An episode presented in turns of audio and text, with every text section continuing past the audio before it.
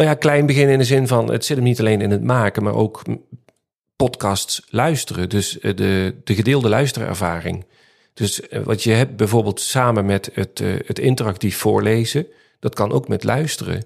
Luister eens samen naar een aflevering. Hey, we hoorden dit daar. Dan ga je even terug, ga je bepaalde fragmenten terughalen. En dan heb je het met kinderen daarover. Ja, dat is zo waardevol. Podcast De Biep is Meer gaat op zoek naar de toekomst van openbare bibliotheken en hoe zij bijdragen aan de maatschappelijke uitdagingen van deze tijd.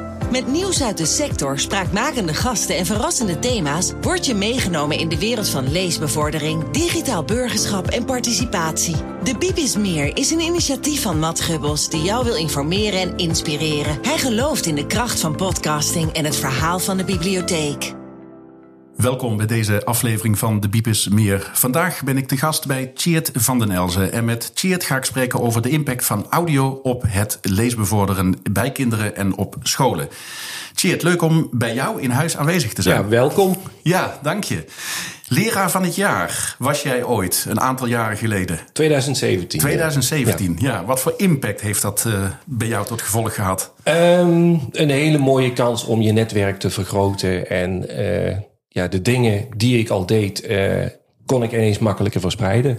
Dus ook wat nu gebeurt, dat jij mij vindt in zo'n podcast, dat heeft daaraan bijgedragen, zeg maar. En hoe is dat nou gekomen dat jij van leraar van het jaar naar ja, echt wel befaamde podcastmaker uh, bent, uh, bent gegaan?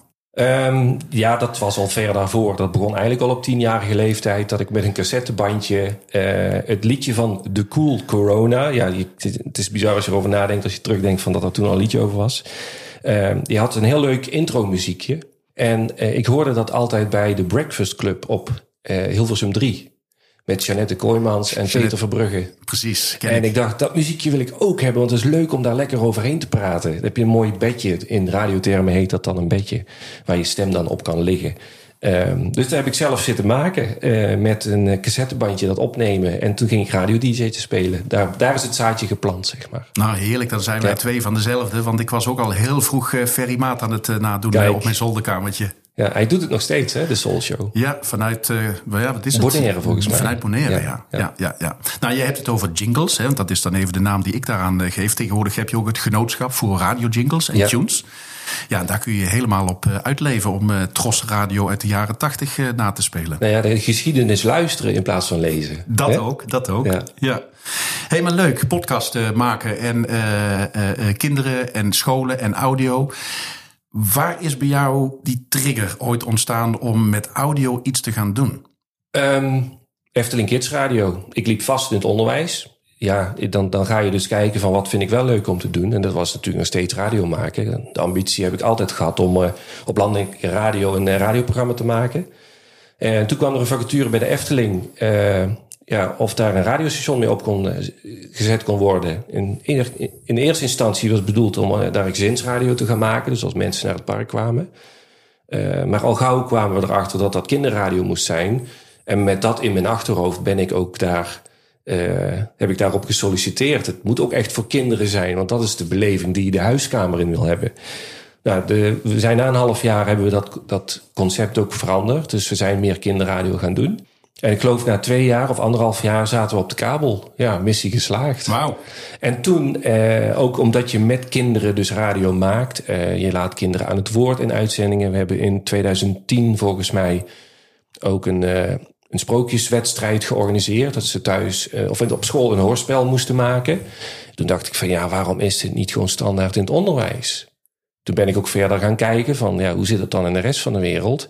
In Engeland bijvoorbeeld hebben heel veel scholen en instellingen hebben gewoon standaard een studio als dit uh, in school staan met een curriculum daarbij. Wauw, ongelooflijk. In India ook, Zuid-Afrika, de VS. En ik sprak ze laatst uh, Lenny Tameres en uh, die gaf mij ook weer een nieuw inzicht. Zij is zeg maar de maker van de podcast Op Houten Banden. En zij zegt van ja, ik denk dat het gewoon komt omdat er geen vertelcultuur in Nederland is. En dat is in die andere landen veel meer. Ook als ik in, in, in een willekeurige school binnenloop, er zijn best veel leraren die niet weten hoe goed ze een verhaal kunnen vertellen. En ja, dan kun je nog wel heel mooi voorlezen, maar echt een goed verhaal vertellen vanuit wereldoriëntatie bijvoorbeeld ja, ik hoef wel, uh, maar ik herinner me nu nog steeds de geschiedenisdocent die heel goed kon vertellen. En de meeste leraren niet. Je zei net, ik liep vast in het onderwijs. Dat triggert mij even, want Ja. daar is blijkbaar iets gebeurd. eh, waardoor je hebt gezegd, nou, ik eh, ga een andere kant op. Wat, wat, wat, wat was dat? Ja, dan komen we weer uit bij luisteren. Gewoon niet naar de mensen op de werkvloer luisteren. Dus kunnen wij nog wel goed luisteren? Ja, steeds minder, eh, denk ik. Ja, en, en hoe luister je? Dus gefocust leren luisteren. En ja, als je dan een school binnenloopt, kind, de meeste kinderen kunnen niet gefocust luisteren. En waarom? Omdat het druk is om Dit zich is druk. Eh, ja, dan heb ik het natuurlijk over eh, de vaardigheid gericht leren luisteren. Maar het begint ook al met akoestiek in klaslokalen. Ja, want het, ging, het gaat om meer dan alleen audio, hè, audio maken. Het gaat ook om de akoestiek, hè, Het gaat, zei jij. gaat alles om geluid ja. draait het. ja. Nou, Ja. we komen daar zo nog wel even op Ja. terug, hè, aan de hand van een aantal eh, onderzoeken. Tjeerd, welke podcasts ben jij nog meer bij betrokken geweest? Hè? Want Efteling Radio, daar is jouw eh, gouden start eh, geweest. Eh, wat heb je nog meer gedaan? Ja, ik begon met mijn podcast Radio Rakkers, eh, maar dat, dat vloog alle kanten op. Daar doe ik nu niets meer mee, omdat ook vanuit de, de gedachte radio ben ik gaan bedenken door allerlei onderzoeken die voorbij kwamen. Dat ja, het, het is meer dan radio. Dat hadden we het net over, hè? geluid, audio in de breedste zin van het woord. Ehm, de podcast die ik nu produceer is Leesbeesten en Luistervinken. Dat is een eh, kinderboekenpodcast waarin we kinderen in gesprek laten gaan met kinderboekenschrijvers. En waarom zijn we die zo gestart? Omdat ook een van de onderzoeken die Lisa Roze heeft gedaan van de podcast Filosofie, heeft aan kunnen tonen dat kinderen veel meer van kinderen iets aannemen dan van een volwassene. Dus ja, hoe gaven ze het dan ook gewoon een kind aan tafel te zetten met een kinderboekenschrijver? Ja, hoe krakkemikkig dat soms dan ook kan klinken. Ja, dus eh, een, een hoog productieniveau, dat is niet het uitgangspunt bij die podcast. Het gaat erom wat gebeurt er tussen dat kind en die schrijver. Ja, want er gebeurt al heel veel, vind ik altijd, als je een hoofdtelefoon opzet en jezelf door een microfoon hoort praten. Ja, ja die, die, die beleving, als kinderen dat voor het eerst gaan doen, dan. Ja, wij hebben het er ook over, over de magie van radio. Het is heel cliché en een uitgeholde uitdrukking, maar het bestaat wel echt. Als een kind voor het eerst zijn of haar stem hoort, dat is eigenlijk een soort klap in het gezicht met het idee van wauw, eh, je stem, dat heeft veel meer potentieel dan gewoon maar alleen maar iets vertellen. Kun je uitleggen hoe die verbinding tussen audio en, en leesbevordering, hè, want dat was een van mijn triggers om met jou contacten te zoeken, hoe dat werkt? Want voor veel bibliotheken en leesconsulenten ja, is dat nog een wereld die volgens mij onontgonnen is. Nou, dat is heel simpel. Ik begin mijn presentaties op scholen en bibliotheken altijd heel simpel met een oefening. Wij staan nu, maar eh, normaal als mensen zitten. eh, en dat mag de luisteraar nu ook even doen. Is doe je handen even onder je bovenbenen. Of als je staat, achter je rug. En dan gaan we even een zintuigoefening doen. Doe je ogen dicht. Ik doe hem dicht. Ja, dat lukt hè. Ja, Ja. Doe je mond dicht. Ja, dat lukt ook hè. Zeker. Nou, doe je oren dicht. Ja, dat wordt nu moeilijk, want dan moet ik mijn hoofdtelefoon afzetten. Ja. Ja, Nee, maar dat mag niet, want je handen moet je op je rug houden. dus je ja. oren staan altijd aan, net als je neus. Ja. En waarom is dat? In de evolutie van de mens zijn die zintuigen zo ontstaan dat, je, eh, eh, dat er altijd iets aan moet staan. Want als er gevaar dreigt, moet je kunnen, daarop kunnen acteren. Ja, omdat dat zo diep zit in ons functioneren, want dat beseffen mensen zich niet, van, eh, dat dat zo'n belangrijk zintuig is, eh, vind ik dat we met die kennis ook naar de zintuigen van kinderen moeten kijken, hoe zij informatie tot zich nemen. En waarom dan specifiek naar kinderen? Want audio is eigenlijk heel belangrijk voor ieder mens Ja. hè, op deze planeet. Maar waarom dan specifiek richting kinderen? Als kinderen taal leren, je moet je voorstellen, eh, het, ja, het begint al bij een baby, die wordt geboren. Ja, wat doet hij als eerste? Die begint te schreeuwen, hè? Eh, of te gillen, huilen. Ja, schreeuwen klinkt weer zo negatief, maar dat bedoel ik het helemaal niet. En die gaat, die oriënteert zich op geluid. Dus die oogjes die zijn nog even dicht. Dus dat is het eerste wat, eh, ja, wat waar een kind op kan reageren. En eh, als, als een kind de taal gaat leren, met name tussen de zes en negen jaar, waarin kinderen heel klankgevoelig zijn, daarin hebben ze dus ook aangetoond in een, in een Engels onderzoek dat kinderen audio niet kunnen negeren. Dus eh, als zij bijvoorbeeld een, een hond zien en een koe horen en je vraagt dan neutraal wat is dit? En, je, en, en ze moeten kiezen, dan kiezen ze de koe. Dus met, met dit gegeven heb ik zoiets van ja, eh, en ik ga het nu heel negatief uitdrukken, maar zo bedoel ik het niet. Want dan, dan, maar dan begrijp je mijn punt. Hoe is ons systeem nu ingericht? Een hele grote leesfuik. Een leesfuik. Ja, ik noem het een leesfuik. Omdat ehm, eh, ik heb een kind eh, in de klas gehad die had dyslexie ADHD en autisme. Verbaal was hij ontzettend sterk. Ja, die kon niet naar een niveau waarvan ik dacht, die gaat dat niveau wel doen. Ik had hem in een groep 6, maar dus wij, wij adviseren eh, kinderen eh, naar het vervolgonderwijs op basis van een lees, leescultuur, een, een leessamenleving.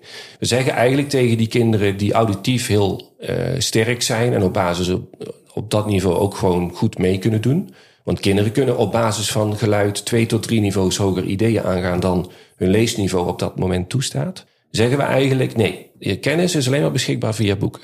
Waarom mag kennis niet beschikbaar zijn via audio? Ik haal tegenwoordig heel veel kennis uit podcasts. Ja. Weet je, als ik iets niet weet over een onderwerp, ja, dan ga ik zoeken op uh, Google, op uh, Apple en noem maar op. En dan vind ik altijd wel content. Ja, en begrijp me niet verkeerd. Dit is geen pleidooi om het leesboek dan maar aan de kant te schuiven.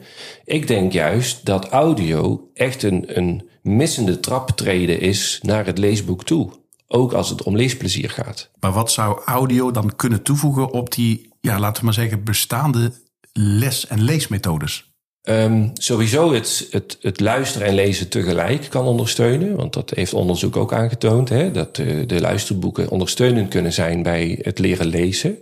Maar ik denk dat het niet zozeer in die methodes... dat dat, dat, dat de leidraad moet zijn. Maar de, de leerkrachtvaardigheden moeten, moeten aangevuld worden... met een stukje van hoe zet ik audio nu goed in in de klas? Hoe zet ik audio goed in in de bibliotheek?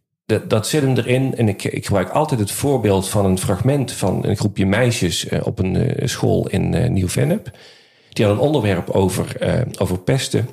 En wat gebeurt er ook als kinderen bijvoorbeeld zo'n interview voorbereiden, als ze zelf dus een interview gaan opnemen, dan zijn ze al empathisch in dat gesprek bezig. Ze zijn hun woorden aan het wegen van oké, hoe ga ik deze vraag stellen zonder dat ik degene die ik ga bevragen kwets. Dus dat hoor je terug in dat interview.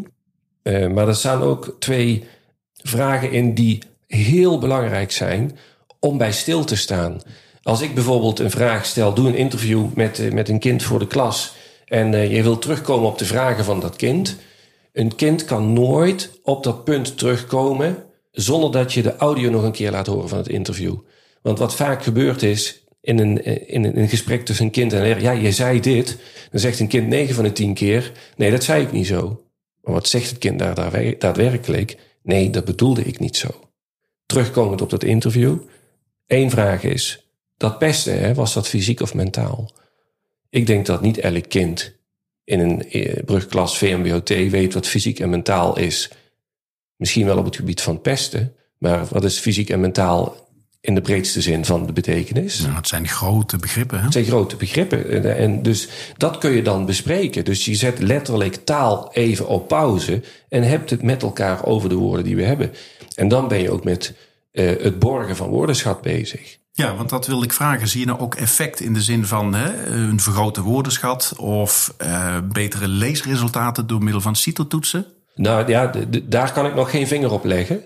Maar um, wat ik wel zie, is dat kinderen veel meer betrokken zijn bij het proces als ze eenmaal eerst die ervaring hebben gehad. Hoe is dat, je stem op je hoofd, als je een podcast gaat maken?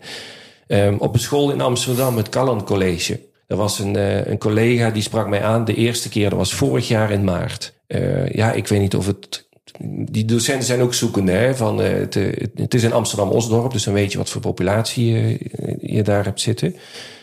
Ja, ik weet niet of het gaat lukken, want vorig jaar was het met een documentairemaker niet zo uh, gelukt.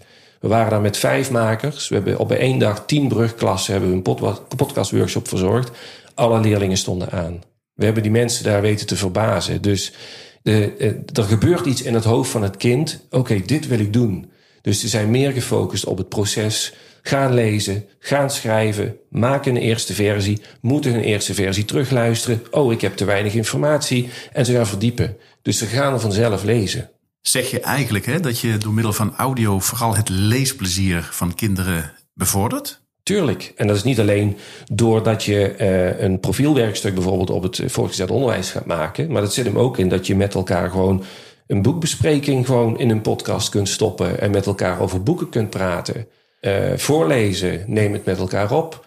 Hoe gaaf is het als je als kleuterjuf vaak voorleest, maar een kind misschien toch in een luisterhoekje dat verhaal nog een keer wil horen. Maar dan is de juf niet beschikbaar, maar wel de opname van de juf die voorgelezen heeft.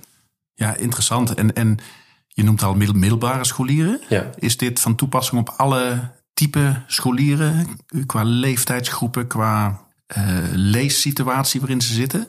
Dat denk ik wel. Je kunt ook gesprekjes met uh, kleuters over een leesboek uh, met elkaar dat, opnemen. En bijvoorbeeld ook dan kleuter dat terug laten luisteren.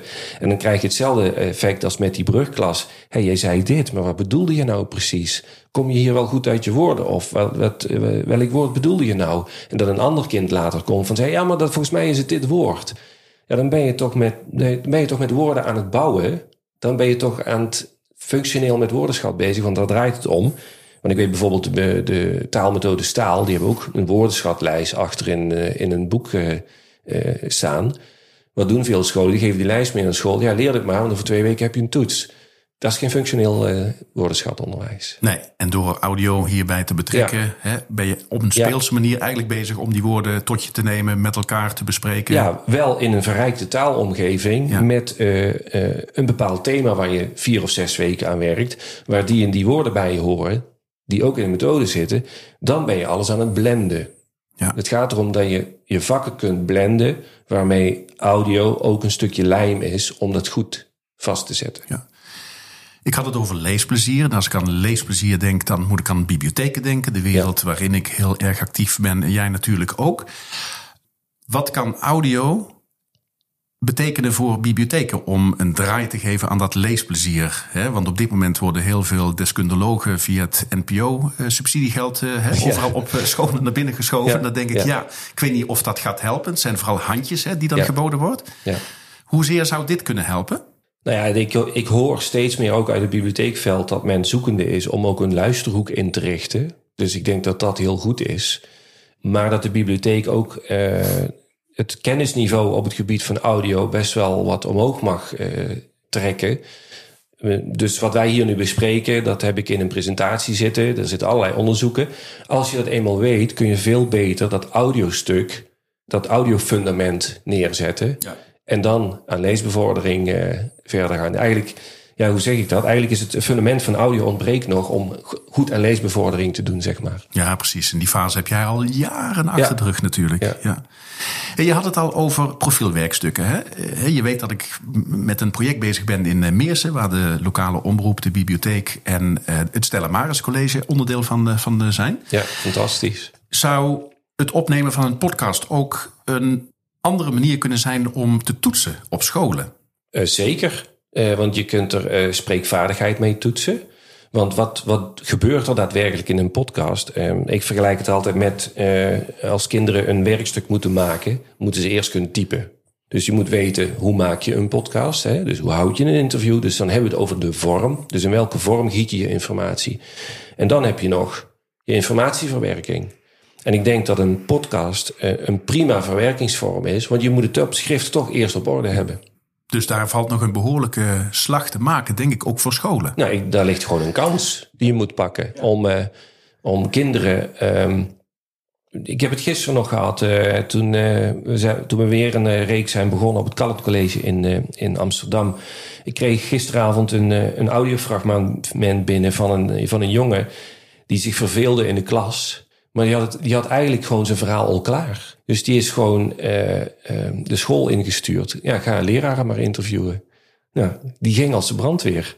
Met dat wel in je achterhoofd dat als een kind dus op basis van audio kan excelleren, moet je dat kind ook wel leren van ja, wil jij daar op dat punt goed excelleren, dan zul je je voorbereiding wel op orde moeten hebben. Want wat vaak gebeurt als kinderen voor het eerst achter de microfoon zitten, dan is het, dan wijzen ze naar elkaar, dan gaat die schuif open van ja, uh, ik weet niet wat ik nou moet. Zeg jij nou maar iets. Ik weet niet waar we moeten. Dus dan voelen kinderen gewoon aan hun water.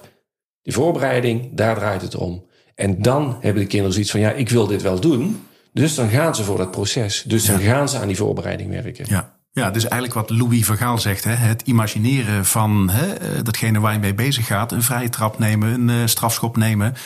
In feite ben je dan al bezig ook met het oefenen en het voorbereiden van je eigen verhaal. Ja, het, alles draait om oefenen, oefenen, oefenen. We hebben het nu over kinderen gehad. Hè? We nu eens even de doorstart maken naar uh, volwassenen. Want die werken overal en nergens. Opleidingsbureaus. Ik zie daar eigenlijk ook best wel heel veel kansen. Zeker. Um, ik heb zelfs met bibliotheken ook over besproken. Hoe ga je je leden bereiken die nooit de bibliotheek inkomen?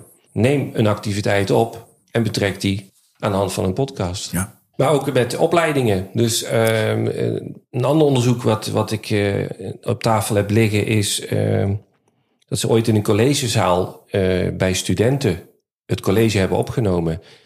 En iedereen mocht aantekeningen maken. De helft van die groep kreeg ook de audio tot hun beschikking om te studeren.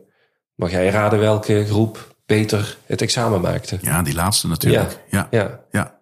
ja, want door het te horen, althans dat heb ik altijd, door dingen te horen onthoud ik dingen beter. ja. Maar ik hoor zelfs van mensen die de audio dus niet tot hun beschikking hebben, hun samenvattingen zelf gaan produceren. En dan zitten we dus in de top van eh, de, de piramide als het gaat om hoe leer je. Nou, door het zelf op een goede manier te produceren, ja, dan ben je het aan het borgen. Ja, Voor jezelf. Je, ja, en als je op die manier een hele verzameling podcastjes maakt over alle leerthema's die op een universiteit of hogeschool eh, van toepassing zijn, leg je eigenlijk ook een soort van collectie aan van podcasts. Tuurlijk. Ja, een kenniscollectie. Hè? Ja, ja. ja, mooi. Ja, je hebt al heel wat projecten genoemd hè, die, eh, die je op scholen doet. Eh, heb je nog andere speciale projecten die ja, het vermelden waard zijn hier? Waarvan je zegt, nou, hier heb ik nu echt impact gemaakt? Nou nee, dit, dit is mijn focus nu. Ja. Dit, is, ja, dit voelt voor mij ook als een taak. Dit moet ik gewoon overal vertellen. Ja, het gaat mij niet om eh, dat ik zoveel mogelijk eh, kisten verkoop. Want ik heb een podcast ontwikkeld waar alles in zit. Dus dat je gewoon een studio in een trolley hebt Ja. en mee kunt nemen. Die spullen vind ik niet zo spannend, want dat, eh, daar gaat het niet om. Maar wat ga je daarmee doen? Ja, wat je al dus al eerder zei, de kennis over audio, wat het doet, hè, wat je ermee kunt doen. Ja, en welke vaardigheden komen daar voor jou bij kijken om dat met kinderen te gaan doen? Hoe pak je dat nou aan op een school? Hè, want een school zie ik als een eh, drukke, drukke ja, eh, bedrijvigheid. Ja. Waarin leraren nauwelijks de tijd hebben om eh, hè, hun lessen te draaien. Laat staan allerlei vergaderingen te doen. Hoe pak je dat aan in zo'n, in zo'n drukke omgeving? Ehm, het is heel simpel. Wat, wat leraren zien vaak iets nieuws en dan denken ze: "Oh, de techniek, oh, er komt weer iets bij. Maar de techniek valt echt mee. En er komt nauwelijks iets bij. Want de feitelijke handeling die erbij komt, is niks anders dan de recordknop indrukken en het mp3'tje opnieuw afspelen. Want alles omtrent taal en lezen, dat gebeurt al. Het is alleen van, we hebben nu een vorm waarmee je je taalles ja, nog een, naar een hoger level- kunt tillen. Zit daar ook de crux in richting leerkrachten om ze betrokken te krijgen? Om ze weg te houden van die techniek?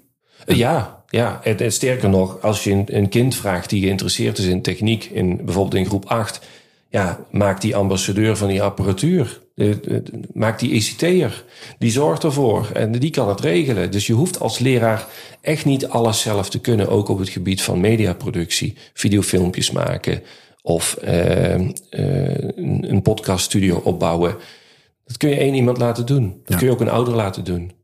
Waar ligt de grens tussen eh, gesprekjes opnemen in de klas ten behoeve van hè, leesbevordering versus het publiceren van dit soort opnames? Ik kan me voorstellen dat je op een gegeven moment ook als school naar buiten toe wilt pronken met, kijk eens, eh, Ja. hè, over deze eh, leuke boeken hebben we een podcast laten maken door onze leerlingen. Ja, ja dat is hetzelfde met, eh, met alle andere dingen rondom AVG. Hè? Dus dat moet je gewoon onder je AVG-beleid laten vallen. En dus, maar als ouders toestemming geven van ja, dit vinden we een pareltje. Ja, welke ouder is niet trots op zijn kind als die in dat pareltje zit en dat het toch gepubliceerd kan worden? Ja, die, ik zou er niet voor terugdeinzen, zolang je het maar gewoon vanuit de wet rondom eh, AVG eh, ja, goed aanpakt. Jij bent sinds 2010 bezig met audio in allerlei eh, vormen. Als je nu terugkijkt hè, op die 12 jaar dat je daarmee bezig bent, wat zijn de lessons learned die je aan scholen, maar ook aan bibliotheken wilt meegeven? begin klein. Want eh, op elke bijeenkomst waar ik bijvoorbeeld zo'n eh, zo'n koffer binnenrol, dan is het op het einde van de dag. Oh, ik zie zoveel mogelijkheden. Oh, we kunnen dit, we kunnen dat. Begin met iets kleins. Dus eh, zodra je dat beheerst, dus oefenen, oefenen, oefenen. Ik ben nu competent, pak je er iets bij, dan ga je stapelen. En begin eenvoudig. Want ik vind, eh, je, kunt je, je kunt het je op het gebied van audio heel ingewikkeld maken. En ja, dan ben ik bang dat, het, eh, dat je gaat stranden, omdat je zelf verzandt in, in je eigen creativiteit. Want dat, dat is de valkuil die hierin in zit, zeg maar. Ja, het zal niks eh, voor mij zijn overigens, want ik zou dan vooral op de kwaliteit van de opname letten. Ja, ja, precies. Ja, ja, maar dat zijn wij als audiofielen, zeg ik altijd. ja, ja, ja, ja, ja. Oké, dus klein eh, beginnen. Ja. Ehm, nog meer dingen waarvan je zegt, nou let hierop. Nou ja, klein beginnen in de zin van, het zit hem niet alleen in het maken, maar ook podcasts luisteren. Dus eh, de, de gedeelde luisterervaring. Dus eh, wat je hebt bijvoorbeeld samen met het, eh, het interactief voorlezen, dat kan ook met luisteren. Luister eens samen naar een aflevering. Hé, hey, we hoorden dit daar. Dan ga je even terug, ga je bepaalde fragmenten terughalen. En dan heb je het met kinderen daarover. Ja, dat is zo waardevol. En dat kan trouwens op, op een site die ik vier jaar geleden heb opgezet, op kinderpodcasts.nl. Daar staan alle kinderpodcasts op die Nederlandstalig zijn, zeg maar. Ja, dus er is eigenlijk al heel veel. Hè, om, er is al heel veel, ja. Ja, ja leuk. Richting bibliotheken? Wat moeten leesconsulenten voor competenties in huis hebben om scholen te ondersteunen bij dit uh, verhaal? Ja, bepaalde vaardigheden die ik ook een leraar gun om dit naar een hoger plan te tillen. Dus ja, laten we de leesconsulent niet meer de leesconsulent noemen, maar de lees- en luisterconsulent. Dus hoe luister je met kinderen? Dus het gericht leren luisteren. En ik denk dat daar sowieso nog wel meer laaghangend fruit mee te bereiken is.